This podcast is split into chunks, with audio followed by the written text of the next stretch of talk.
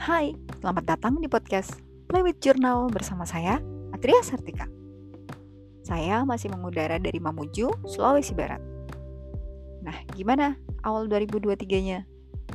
Sudah ngobrolin resolusi? Sudah share resolusi ke mana-mana? Banyak yang bilang untuk resolusi terwujud, uh, lebih baik di-share ke mana-mana biar ada kayak punishment, ada apa? Ada efek malunya kalau nggak terwujud kayak gitu. Tapi ada juga yang ngomong kayak uh, otak kita tuh menganggap ketika kita sudah menyampaikannya itu hal itu sudah selesai dikerjakan gitu. Jadi sebaiknya jangan mempublikasikan target kita karena itu akan merangsang otak merasa bahwa kita sudah selesai mengerjakannya.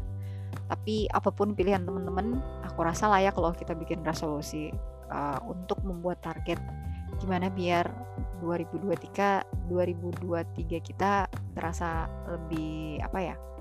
Lebih efektif, bikin kita merasa lebih punya pencapaian, bikin kita lebih menghargai diri kita, menghargai hidup kita. Nah, uh, tapi apa resolusi harus selalu dimulai awal tahun? Ya enggak juga sih. Kenapa orang memulai resolusi dari awal tahun? Ya biar lebih mudah diukur aja sih.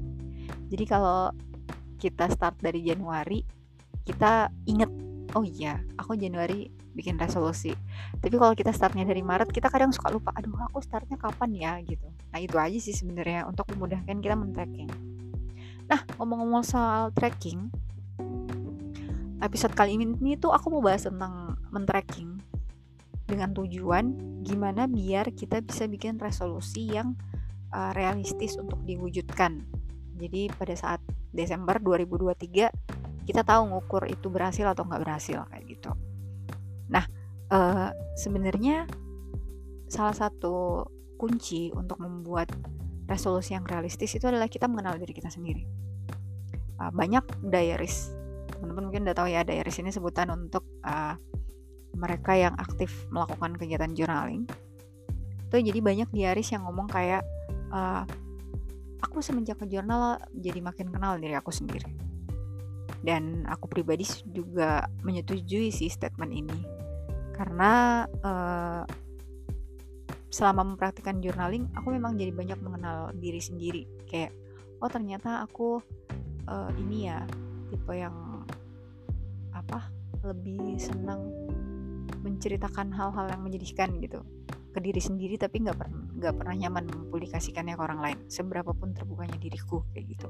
Nah dan emang buat teman-teman yang uh, merasa bahwa journaling emang bisa gitu buat mengenal diri sendiri maka saranku apalagi kita lagi ngobrolin resolusi untuk yang realistis ini jawabannya adalah teman-teman mungkin bisa nyobain daily journal tapi dengan uh, melakukan sistem tracking. Nah kalau teman-teman mungkin sebelumnya sudah pernah menonton video tentang uh, bullet journal maka di situ kita akan lebih banyak bicara tentang planning merencanakan merencanakan setahun ke depan itu ada tanggal penting apa aja, setahun ke depan kita pengen ngelakuin apa aja. Nah, aku menyarankan untuk memanfaatkan jurnal bukan untuk membuat planning, melainkan tracking. Uh, kenapa? Dengan tracking, dengan tujuan tracking, kita satu bisa mengenal diri kita dan pola hidup kita. Dan ini penting. Kenapa? Dengan mengenal pola hidup kita, kita tahu standar kita seperti apa.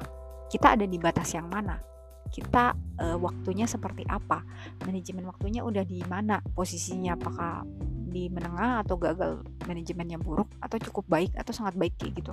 Nah uh, kenapa kita perlu tahu batas abang ini? Karena resolusi yang realistis tentu disusun membuatnya melewati batas ambang tapi tidak terlalu jauh sampai terasa sangat jadi terasa tidak mungkin untuk diwujudkan. Dan bukankah juga kalau kita bikin resolusi kalau kita membuatnya berada di bawah ambang level kita ambang di bawah batas kita yang nggak ada efek challengingnya gitu nggak ada tantangannya gitu. Dan kita nggak apa sih jadi kayak tidak berasa menjadi orang yang uh, lebih baik dari kemarin kayak gitu. Karena ya tuh gini aja gitu kan. Uh, semoga nggak kena toxic positivity ya. Jadi intinya kalau aku kayak uh, dengan kita melakukan tracking kita beneran kenal pola hidup kita kita kenal oh di jam tertentu aku produktif di jam ini tuh aku emang selalu ngantuk di jam ini tuh uh, aku nggak bisa pakai buat berpikir berat karena pasti mentok nggak ngerti dan sebagainya gitu. Memang akan ada kayak gitu di kehidupan kita gitu. Kita nggak bisa selalu sangat kreatif di sepanjang waktu. Nah kalau teman-teman memang mau mewujudkan sistem tracking ini teman-teman bisa tuh start bikin daily journal tapi uh, khusus buat men-tracking. Jadi ini memang tujuannya untuk mengenal diri sendiri. Nah uh, halaman dari jur daily journalnya bisa dilipat dua kemudian di salah satu sisinya teman-teman bisa tulis tuh jam dari 00 sampai 2359 uh, apakah mau dibagi per jam atau per setengah jam terserah bagaimana teman-teman merasa itu akan lebih efektif untuk men-tracking jadwal teman-teman. Ingat pada saat mengisi jurnal kunci utama lainnya adalah jujur. Teman-teman nggak jurnal ini hanya akan dibaca oleh diri teman-teman sendiri gitu. Jadi sebenarnya nggak nggak perlu memaksa diri menjadi orang yang sangat hebat di dalam buku jurnal karena ya emang bukan buat orang lain ini untuk diri kita gitu. Maka jujurlah mengisinya karena tujuannya kita pengen kenal diri kita sendiri jadi kalau kayak aku aku bukan morning person. Jadi aku kalau bangun subuh cenderung akan tidur kembali karena ternyata ya emang jadi setelah aku tracking aku baru sadar jam tidur aku tuh di sekitaran jam 12 2 malam. Uh, dan sekarang pada saat aku mau mengubah pola tidur itu menjadi sangat challenging. Aku berusaha tidur di jam 10 pada saat berhasil membuat anak-anak tidur lebih awal ternyata itu masih sulit untuk terjadi kepala aku masih tidak berhenti untuk penuh isi berpikir A B C D. Telinga aku masih terus aktif sehingga akhirnya aku memutuskan bahwa oke okay, uh, eh, target untuk tidur jam 10 tuh nggak mungkin di aku. Dan itu hasil tracking gitu. Dan sekarang aku kayak berkompromi oke okay, sekarang aku di jam 12 aja. Kalau bisa tidur jam 11 alhamdulillah. Tapi maksimal di jam 12 malam. Mudah-mudahan setelah pola hayat berubah menjadi jam 12 malam setelah itu bisa bikin target baru nih. Setelah berlangsung tidur jam 12 malamnya maksimal jam 12 malamnya berjalan dua bulan mungkin. Setelah itu aku coba lagi tuh manajemen waktu biar gimana bisa tidur lebih awal lagi dari itu. Dan mengubah uh, pola bangun yang jangan tidur lagi dengan uh, menjadikannya jam produktif. Karena ternyata setelah aku tracking uh, jam produktif aku nggak ada masalah kalau di subuh dan uh, mal tengah malam pada saat anak-anak aku sudah tidur gitu. Karena kalau krucil udah berbangun mohon maaf. Konsentrasi cepat buyar begitu ada panggilan bunda gitu. Nah ini penting. Kita penting untuk tahu seperti itu jam berapa kita efektif untuk bekerja jam berapa kita sulit berkonsentrasi jam berapa kita memang merasa sangat kreatif seperti itu itu penting. Jadi halaman jadi di sisi kiri kita tulis uh, semua kegiatan kita per jam. Kalau memang teman-teman perlu per 30 menit silahkan per 30 menit. Nah di halaman satunya teman-teman menulis capaian-capaian yang teman-teman berhasil lakukan atau malah gagal melakukan. Kayak uh, hari ini aku berhasil merekam satu episode podcast tapi aku gagal mengedit episode podcast kemudian aku berhasil menamatkan satu buku kayak gitu. Uh, tapi terus aku tapi sayangnya aku nggak nggak nggak sempat masak hari ini seperti itu. Semua itu perlu dicatat. Kenapa? Biar kita tahu bahwa oh ternyata tuh aku nggak bisa produktif di semua aspek bersamaan. Aku bisanya kalau lagi fokus uh, bikin konten ya seharian bikin konten. Nggak bakal sempet buat masak dan sebagainya kayak gitu. Nah, uh, ini perlu juga untuk kita ketahui kenapa? Biar kita bisa men-tracking. Uh, aku hari ternyata tiap hari Kamis tuh nggak bisa bikin apa-apa ya gitu. Oh ternyata pas dievaluasi lagi, oh karena waktu itu di hari Kamis uh, suam, suamiku kayak gini atau uh, anakku sibuknya kayak gini dan aku harus mendampingi kayak gitu. Nah itu menjadi catatan penting ketika lain waktu teman-teman harus membuat janji terutama teman-teman ternyata berhasil punya klien di dunia content writer atau punya klien lah di dunia uh, kreatif yang teman-teman jalani. Nah teman-teman tahu bahwa oh aku nggak boleh meeting di hari Kamis karena aku nggak pernah punya waktu yang efektif di hari itu kayak gitu. Dengan mengenal ini teman-teman bisa membuat perencanaan jangka pendek sampai jangka panjang yang lebih efektif. Jadi nggak ada lagi namanya dikejar-kejar karena teman-teman uh, apa ya lebih realistis lah dalam bikin planning gitu. Nah,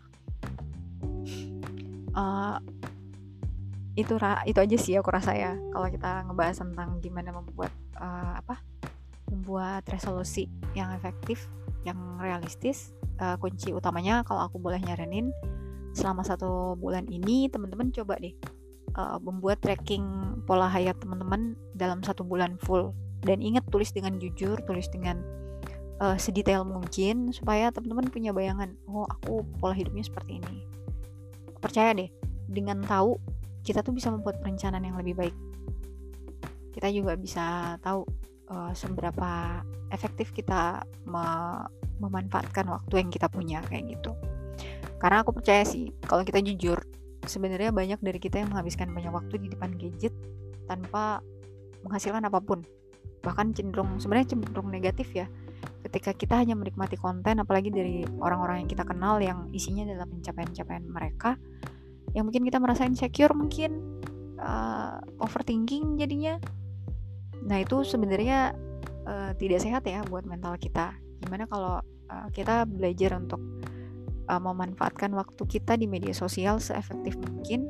Jadi bukan masalah berapa lama, tapi seberapa uh, bermanfaat kita dalam mengakses media sosial seperti itu.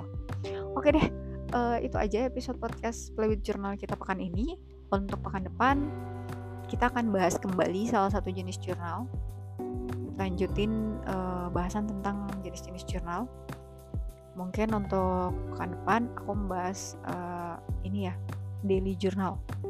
Karena sebelumnya udah bahas ini ya udah bahas uh, gratitude journal. Oke deh sampai ketemu di episode podcast play with journal berikutnya teman-teman kalau ada yang ingin ditanyakan tentang journaling uh, jangan ragu buat DM aku di @atriasartika biar bisa aku jawab di episode podcast aku berikutnya dan doakan resolusi 2023 aku terwujud dengan ngupdate podcast uh, setiap pekan yang apa bisa memberi inspirasi buat teman-teman dan juga memberi manfaat untuk teman-teman semua. Oke deh, sampai ketemu di episode podcast with Journal berikutnya. Bye bye.